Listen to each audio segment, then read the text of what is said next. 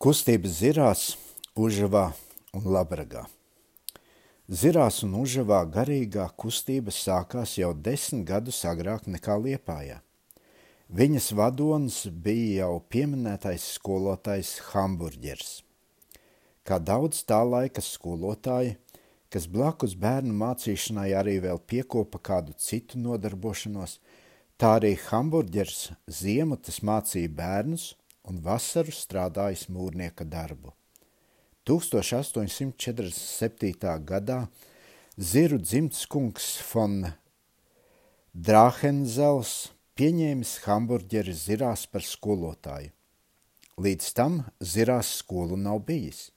Tikai kādā ciemā dzīvojusi sieviņa, kas pati pratusi lasīt, Šo pašu mākslu arī mācījusi dažiem bērniem, kurus to vecāki pie viņas nodevuši mācībā. Šādiem apstākļiem valdot, zirnieki bijuši īpaši priecīgi, ka tiem nu reiz atnācis īsts skolotājs. Bērni pie jaunā skolotāja vēsti no tuvienes un tālienes. Hamburģers kā skolotājs palicis saviem agrākiem skolēniem labā atmiņā, lai gan tās Tas pēc tā laika ieraduma turējis ar viens sev klāt sitamo, lai neuzmanīgos uz vietas pārmācītu. Tomēr reizēm tas arī parādījis īsta audzinātāja spējas. Tas pratis svarīgo no mazsvarīgā izšķirt. Tā piemēram, reiz skolēni laizdamies ragaviņās no kalna, viens otram sakrituši virsū un kādam zēnam sasista roka. Cietušais skrējis pie skolotāja sūdzēt. Pēc tā laika skolotāja paņēmieniem visiem būtu pienācies sots, bet hamburģers sasaucis bērnus, un tiem nav vispār metis notikušo, bet gan to, ka šādi gājieni viņos saceļot vienam pret otru dusmas un piespiedis sūdzētāju ar saviem biedriem mieru derēt. Kā skolā, tā arī savā dzīvē hamburģers bijis īsti dievbijīgs. Ik svētdienas pirms bērni mājās atlaisti, tas kopā ar saviem audzēkļiem turējis lūkšanu, pie kam tas tiem lasījis priekšā iz bībeles, un ceļos nometies asarām lūdzis Dievu par sevi un saviem audzēkņiem. Vakariem Kad skolēni uz brīdi atlaisti savā vaļā, skolotājs bieži vien iegājis savā pieliekamā kambarī un tur karsti lūdzas Dievu. Pirmdienās, kad vecāki bērnus uz skolu atveduši, hamburģers mēdzis ar bērnu vecākiem sarunāties par garīgiem jautājumiem. Šādas sarunas bieži vien ilgušas vairākas stundas un ar laiku pārvērtušās par īstām bībeles stundām. Sevišķi ciešu dalību pie šīm sarunām ņēmuši ķēļu mājas saimnieks Jānis Draunieks, kas ar savu dēlu sūtījis hamburģeras skolā, Kaspars Zirnieks no Sises un Krists Bērziņš. Galvenā mācības grāmata hamburģeras skolā bijusi Stendera, pus, Stendera pusbībele. Tās stāstus nācīs, nācies mācīties atstāstīt – un pie stāstiem atrodošos pantiņus no galvas noskaitīt. Hamburģers sevišķi kodinājis saviem audzēkņiem sargāties no svētdienas, nesvētīšanas un dzeršanas.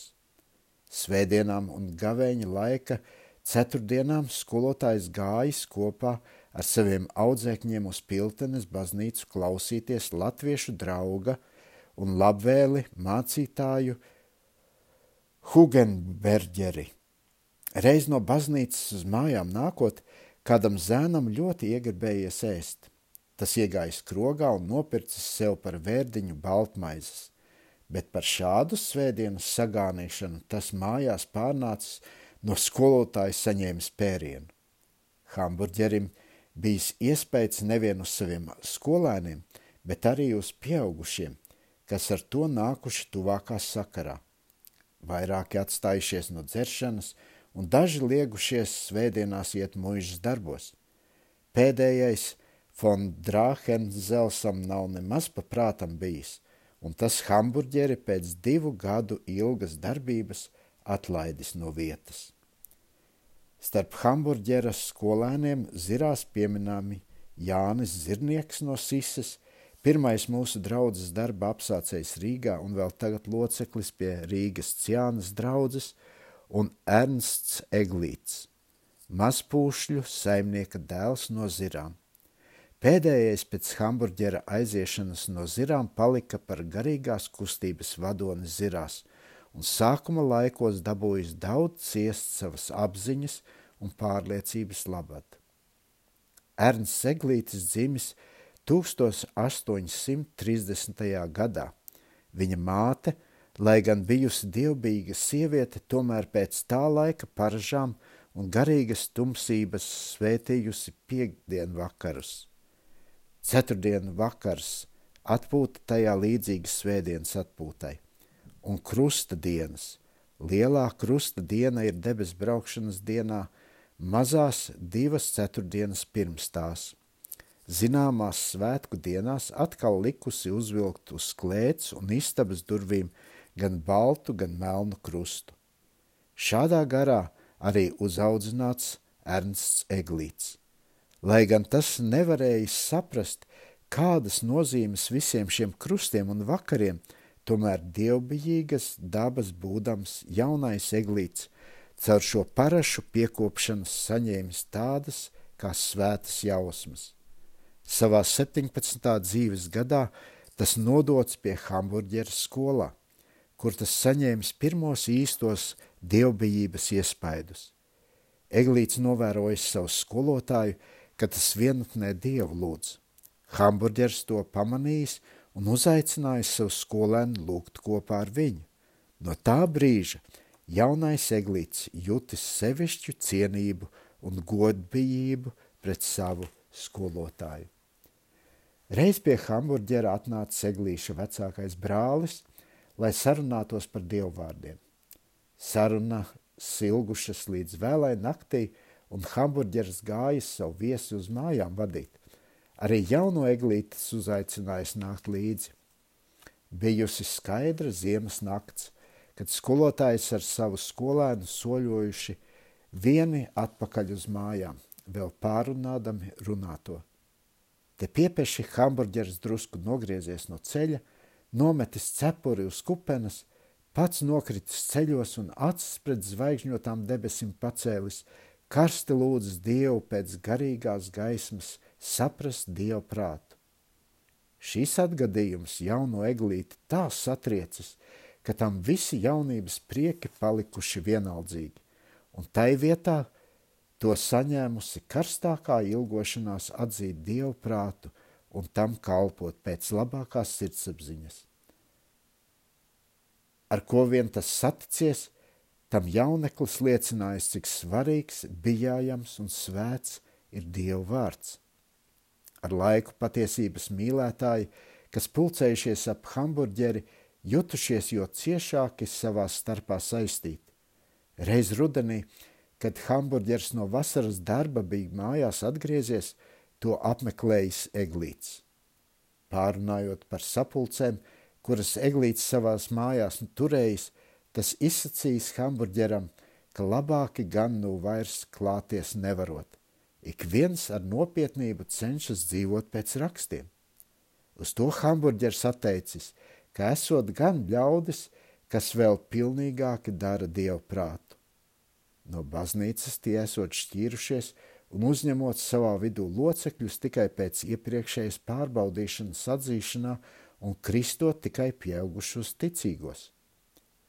Klausītāji pabrīnējušies par dzirdēto, tomēr daudz vērības tam nav piegriezuši, jo tiem licies nesaprotami, kā gan var dzenoties pēc svētas dzīvošanas atstāt baznīcu. No kurienes hamburģers dabūjis zināt par šiem ļaudīm? Nav skaidri noteicams, gan vairāk domājams, ka viņš būs dabūjis ko lasīt par baptistiem. Jāpiezīmē, ka hamburģers bijis liels grāmatu mīļotājs un mājās tam bijusi prāva bibliotēka. Personīgi ticies ar baptistiem tas gan laikam nebūs, jo ap 1849. gadu, cik zināms, vēl Liepājā un apkārtnē neviena baptista nebija. Pēc hamburģera aiziešanas pamodinātie pulcējušies ap eglīti, kurš tiem ik svētdienas lasīs priekšā sprediķi un bībeli, brīžiem pie lasītā arī šo to paskaidrodams. Maz pa mazām nodibinājies pulciņš, kas kārtīgi svētdienām sanākuši mazpūšļu mājās uz dievvvārdiem. Tā kā baznīca bijusi patālu, tad to apmeklējuši tikai ik pārsvētdienas. Pamodinātie lūguši cits par citu, savā starpā paskubinājušies, viens otram uzrādījuši kļūdas un piekodinājuši no tām sargāties. Pie šī lūdzēja bariņa piederējuši Jānis Draunieks Nūžavas un pirmās bībelīgās kristības izdarītājs Baltijā Adams Ģertners. Šāda savstarpīga garīga kopšanās un uztaisīšanās turpināta desmit gadus, bez kā pulciņa dalībniekiem būtu prātā nācis atšķirties no baznīcas. Savā atzīšanā tie necaur ko no baznīcas mācības neatšķīrās, tikai to tie nojuta, ka baznīca tiem nespēja pasniegt vajadzīgo dvēseles barību, tādēļ tie to meklēja atrast paši. Piltenes mācītājs Beķers, pie kura draudzes arī ziras piederēja, sākumā labvēlīgi noskatījās uz šādu pulcēšanos. Tā tam bijusi paprātam. Daudzi, kas ap eglīti pulcējās, atstāja dzeršanu, svētdienās, svētdienas sagānīšanu un citus rupjus grēkus. Piltenes mācītājam Beķerim – Tas tā pateicis, paticis, ka tas reiz pat no kanceles uzslavējis eglīti par tā dievbijību. Bet šis labais sakars starp mācītāju un ziru ciemu patiesības meklētājiem nepastāvēja ilgi. Kāds gadījums to galīgi izjauca. Mazpulšļu māju sapulces apmeklētāji, būdami pārliecināti par lielo ļaunumu, kāda atnes degvīna lietošana, piedaudzījās pie tā, ka viņu mācītājs Beķeris pats saviem strādniekiem izdala degvīnu. Eglīts reiz pat aizgājis pie mācītāja un tam sacījis, ka nevarot saprast, vai tas pareizi, ka tā pata roka, kas svētdienām izdala tā kunga miesu, var citām dienām pasniegt savam avīm degvīnu, šo vella dzērienu. Mācītājs sācis aizstāvēt mērenu degvīnu lietošanu, bet Eglīts nebija pārliecināms. Šīs sarunas izrādīja visās labās attiecības starp Eglīša domu biedriem un mācītāju. Šīs sarunas izrādīja visas labās attiecības starp Eglīša domu biedriem un mācītāju. Mācītāja izturēšanās – arī patiešām bijusi tāda, kas atsitusi katru nopietnu patiesības meklētāju.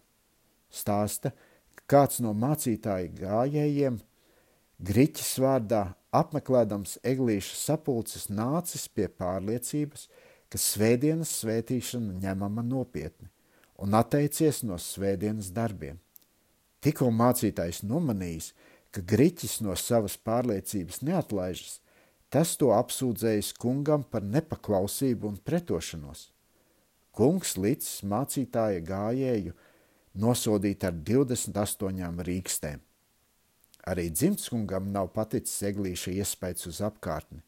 Reiz tas attaicinājis eglīti pie sevis, paslavējis viņu taisno izturēšanos, bet arī izsacījis savu nepatikšanu par sapulcēm.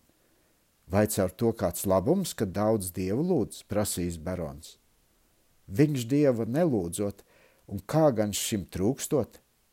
Eglīts atteicis, ka dievu lūgt pavēlēts jaunajā derībā. Uz to barons atbildējis, ka visam tam, kas rakstīts Bībelē, ticēt, ticēt nevarot. Jēzus gan bijis gudrs cilvēks, tas daudz kā laba mācījis, bet viņa mācekļiem, vienkāršiem zvejniekiem, daudz vērības piegriezt nevarot. Un viņam, Eglītim, vajagot tikai taisnīgi dzīvot un savu kungu klausīt. Tā esot īstā dievbijāšana. Šāda izturēšanās no kungu un mācītāja puses radīja patiesības meklētājos tādu iekšķīgu pretestību pret baznīcu un vietējo mācītāju beķeri, ka tie ilgāku laiku atturējās no dievgalda. To nomadīdams mācītājs griezies pie kunga ar lūgumu, lai pēdējais piespiež savus ļaudis iet pie dievgalda. Barons noteica Seglītim un tā biedriem četras nedēļas ilgu laiku, kurā tiem jāierodas baznīcā pie dievgalda. Kad noteiktais laiks bija apkārt un lielkunga pavēle vēl nebija izpildīta, nepaklausīgi atkal aicināti uz mūžu. Daži aizbildinājušies, ka nav vēl spējuši sataisīties, par ko lielskungs izbrīnējies un sacījis, lai izcepot savu rausīti un nokaujot savu jēriņu, tad būšot sataisījušies.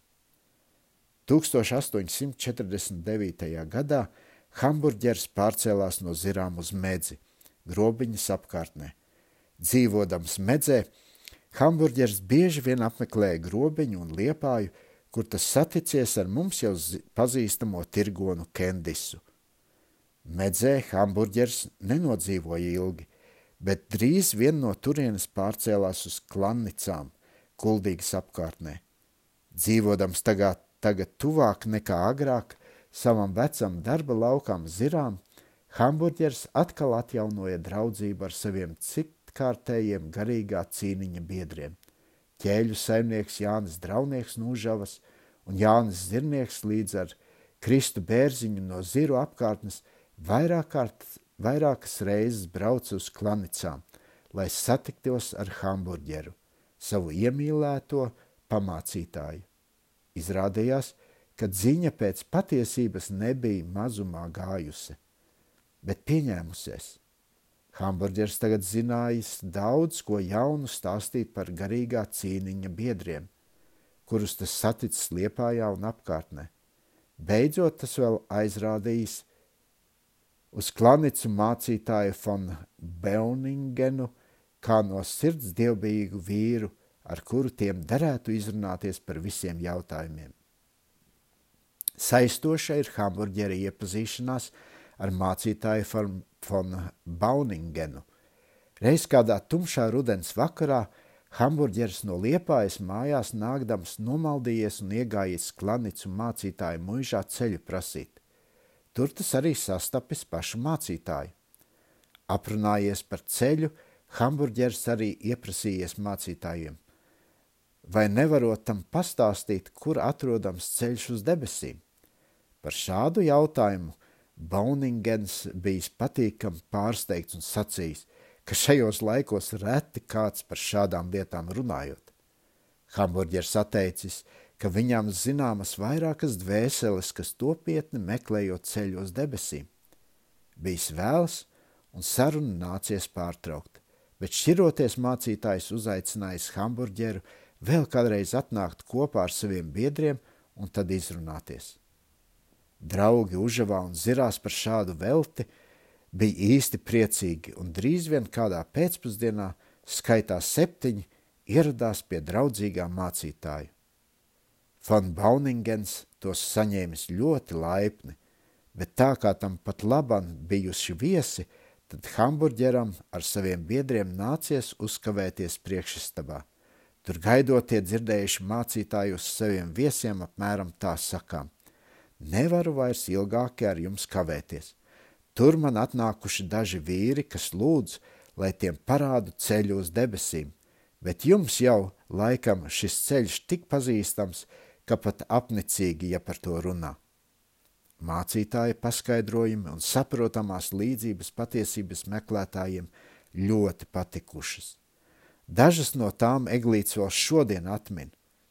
Saruna ilgusi vairākas stundas. Beidzot apmeklētāji lūdz laipno mācītāju, lai tas tos pieņem pie dievgalda. Von Bauningens uz to neiega, neiegājis, teikdams, ka baznīcas likums neatļaujot cita mācītāja ļaudis pie dievgalda pieņemt. Mācītājs, mācītāja von Bauningena izturēšanās pret mūsu pirmiem brāļiem bijusi savādāka nekā tas parasts pie tā laika mācītājiem. Šādi apmeklējumi, kā pieminētais, arī uz priekšu atkārtojušies. Par baptistiem von Bauningens izteicies visai labi. Viņš ar tiem iepazinies reiz būdams Amerikā, bet bijis tajās domās, ka šejienes iekārta un apstākļi nesot tādi, ka baptistu mācība var veselīgi izplatīties. Sevišķi von Bauningens iedraudzējies ar eglīti. Pat tad, kad pēdējais jau bijis kristīts, laipnais mācītājs tam sūtījis sveikas un to uzaicinājis pie sevis izrunāties.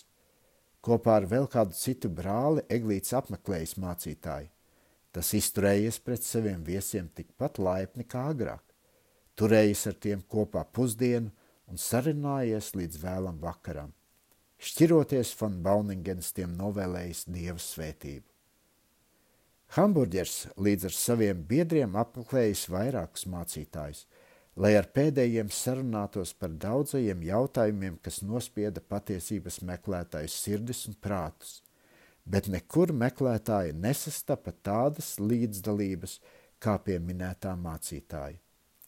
Sarunas ar mācītājiem pamodinātājiem ar vienu jo vairāk noskaidroja, ka baznīca daudzās vietās nedara pēc svētiem rakstiem. Tā skatās nelabvēlīgi uz tiem, kas pulcējas ap Dievu vārdu šķirti no baznīcas. Kā tas bija zirās, daudz mācītāji izturas vienaldzīgi pret svētdienas svētīšanu un dzeršanu, bet galvenā nesaskaņa ar svētiem rakstiem tiem izlikās tā, ka baznīca cieši savā vidū visādus atklātus grēciniekus un nedara nekādas šķirības starp ticīgiem un neticīgiem. Kāds no mācītājiem mūsu patiesības meklētājiem aizrādījis, uz hernkultiešiem Rīgā, lai mēģinot ar tiem sazināties. Arī hamburģera piep ar hamburģera piepalīdzību patiesības meklētāji stājās ar tiem sakarā un lūdza tos uzņemt savā draudzē. Bet pēdējie atbildējuši, ka tiem noliegts uzņemt savā draudzē citas guberņas iedzīvotājs. Šis ceļš patiesības meklētājiem bija aizprostots, tādēļ tiem bija jāmeklē cits, ārpus baznīcas robežām. Bet atstāties no baznīcas pamodinātajiem nenācās tik viegli. Daļu no garīgās gaismas tie tomēr bija mantojuši no baznīcas. Tādēļ drošāki no tiem apmeklēja savus mācītājus, lai izrunātos par jautājumiem, kuros tie ar baznīcu vairs nevarēja saprasties. Tā arī Labragā dzīvojošais Adams Ģertners – aizgāja kādā svētdienā pie apriķu mācītāja grota, lai ar to pēc beigtiem dievvvārdiem izrunātos. Ģertners bijis viens no grota uzticamākajiem draudzes locekļiem. Grots vairākas reizes no kanceles aizrādījis uz ģertneri un tās sievas tēvu klaparu saimnieku kā priekšzīmēm. Sarunājoties, ģertners starp citu aizrādījis mācītājiem, ka baznīca visās vietās neturas pēc svētiem rakstiem, lai gan māca, ka vienīgi pēc tiem jādzīvo. Tā piemēram Mateja evaņģēlija 18.15 teikts, kas jā, ka jā, kā jādarot ar tādu brāli, kas grēko, bet mācītāji un vispār baznīca nekāda grēka tiesāšanu neatzīst un nepiekopja. Šāds kristīgs spriedums par baznīcu bija mācītājiem, kas nedzirdēts. Tas atteicis ģetneram, ka ar tādu gudrību tas varot iet, kur nācis. No tā laika visai labai satiksmei starp mācītāju un draudzes locekli bijis gals. Nākošā svētdienā Grots savu draugu biedinājis no ģertnera un teicis, ka tas palicis nelabā prātā. Kādā citā reizē tas atkal nosaucis ģertneri par viltīgu pravieti Ģertners apmeklēja arī vēl citus mācītājus, bet sastapis vai it visur tam līdzīgu izturēšanos, tas atstājās no baznīcas un svētdienas pavadījis las, di, bībeli lasīdams un dievu lūgdams. Apkārtējiem ļaudīm, kuri ģertneri labi pazina, bija pārāk nesaprotami, kā mācītājs to, ko agrāk slavējis un citiem par priekšzīmu nostādījis – tagad nosauc par viltīgu pravieti un no tā biedina. Ziņkārības dzīti daudz no apkārtnējiem ļaudīm nāca uz klapariem viltīgo pravieti redzēt. Šādi apmeklējumi notikās visvairāk svētdienām, kad ļaudīm bija vaļas. Satikšanās ar vienu izbeidzās ar garīgām sarunām. Tā maz pa mazām svētdienām klaparo, klaparos izcēlās ģertnera vadībā kārtīgas māju sapulces. Apraķu mācītājs tapis uz ģertnera ar vien jo niknāks.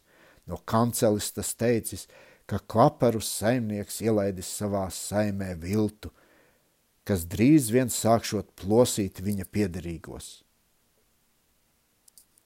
Bet viss tas neko nav līdzējis. Ļaudis klaparos pulcējušies ar vien jo vairāk. Beidzot, ģertners pārliecinājās, ka baznīcas pavēnī vairs nav iespējams tverties un sāka meklēt, kā no tās atsvebināties.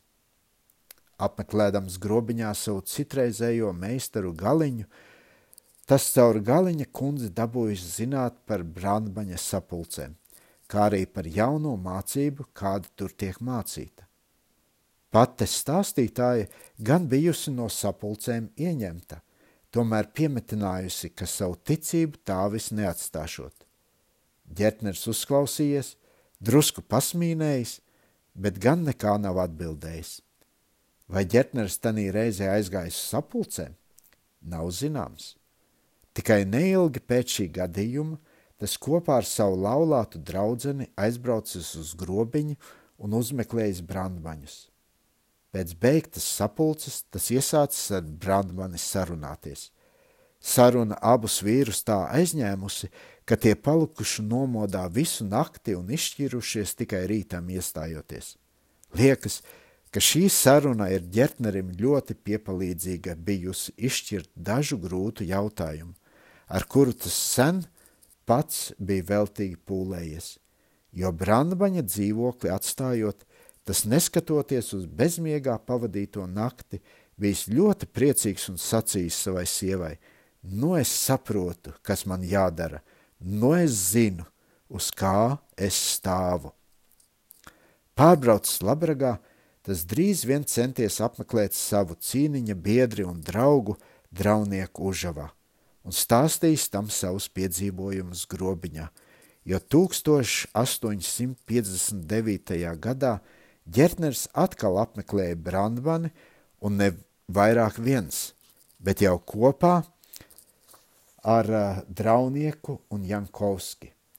Brandmanis iepazīstinājis savus viesus ar dažiem citiem Liepājā dzīvojušiem vācu brāļiem, ar kuriem kopīgi noturējuši mazu lūkšanas sapulci. Šī bija pirmā baptistu sapulce, ja tā var sacīt, kurā ņēma dalību latviešu pirmie brāļi, paši gan vēl baptisti nebūdami. Pēc šīs otrreizējās satikšanās abi vīri pilnam pārliecinājušies par bībelīgo patiesību, ka tiem, sekojot savam kungam un pestītājam, arī jātop uz viņa nāvi kristītiem. Jo tūliņ no grobiņas pārnākuši, Tie apmeklējuši savu citreizējo vadoni eglīti un tam aizrāda uz kristības vajadzību. Bet eglīts ļoti pretojās savu draugu jaunajai atzīšanai un tos lūdz, lai tādas lietas tam vairs nestāsta, pie kam tas savā sirdī nožēlo savu citreizējos cīniņa biedrus, ka tie no īstā ceļa noklīduši. Lai gan pēdējie apgalvoja, ka pēc kāda laika Eglīts domāšot tāpat. Tā arī notikās. Pēc diviem mēnešiem Eglīts uzmeklēja savus biedrus, tiem brālīgi sniedza roku un atzinās, ka tiem taisnība. Lai jau labāk iepazītos ar jaunu atzīšanu, užavnieki uzaicinājuši Brandmani tos apmeklēt. Tas arī noticis Brandmanis nodzīvojis Užavā vairākas nedēļas. Dienām tas strādājis savu amatu, un pagatavojis vairākiem zvejniekiem vadus, vakarā tas turējis pa mājām sapulces. Brandmaņa darbība užavās svētījusies, vairākas meklētājas dvēseles tapušas pārliecinātas par kristības vajadzību. Pārliecinātie bijuši gatavi arī tuliņi sekot savam kungam kristībā un lūguši Brandmanu, lai tos krista, bet pēdējais uz to nav ielaidies – teikdams, kristīt piedaras tikai tam, kam draudze šādu darbu uzticējusi. Bet nu patiesības meklētājiem iestājas grūts laiks. Iekšīgā balss tiem nedeva miera. Tā prasīja, lai tam, kas par patiesību atzīts, arī paklausītu. Bet kā to izdarīt? Nekur Baltijā nebija zināmi ļaudis, kas piekoptu ticīgu kristību. Tikai mēmelē bija tādi, bet tā ir viņas robežas. Un kas gan atļaus zemniekiem, kuri dzīvo tālu no robežas, braukt tai pāri un tad vēl pār, pēc kādas tur jaunas ticības? Tomēr, neskatoties uz visu to, pamodinātie patiesības meklētāji uzsāka sarakstīties ar Mēmeles Baptistu draugu. Kas rakstīšanu izdarījis, vai hamburģers, brandmanis vai ģertners, nav zināms. Tikai iznākums bija tas, ka Mēmeles draudze uzaicināja pamodinātos kurzemniekus atbraukt uz Mēmeli, lai tos tur varētu uzņemt draudzē un tad kristīt.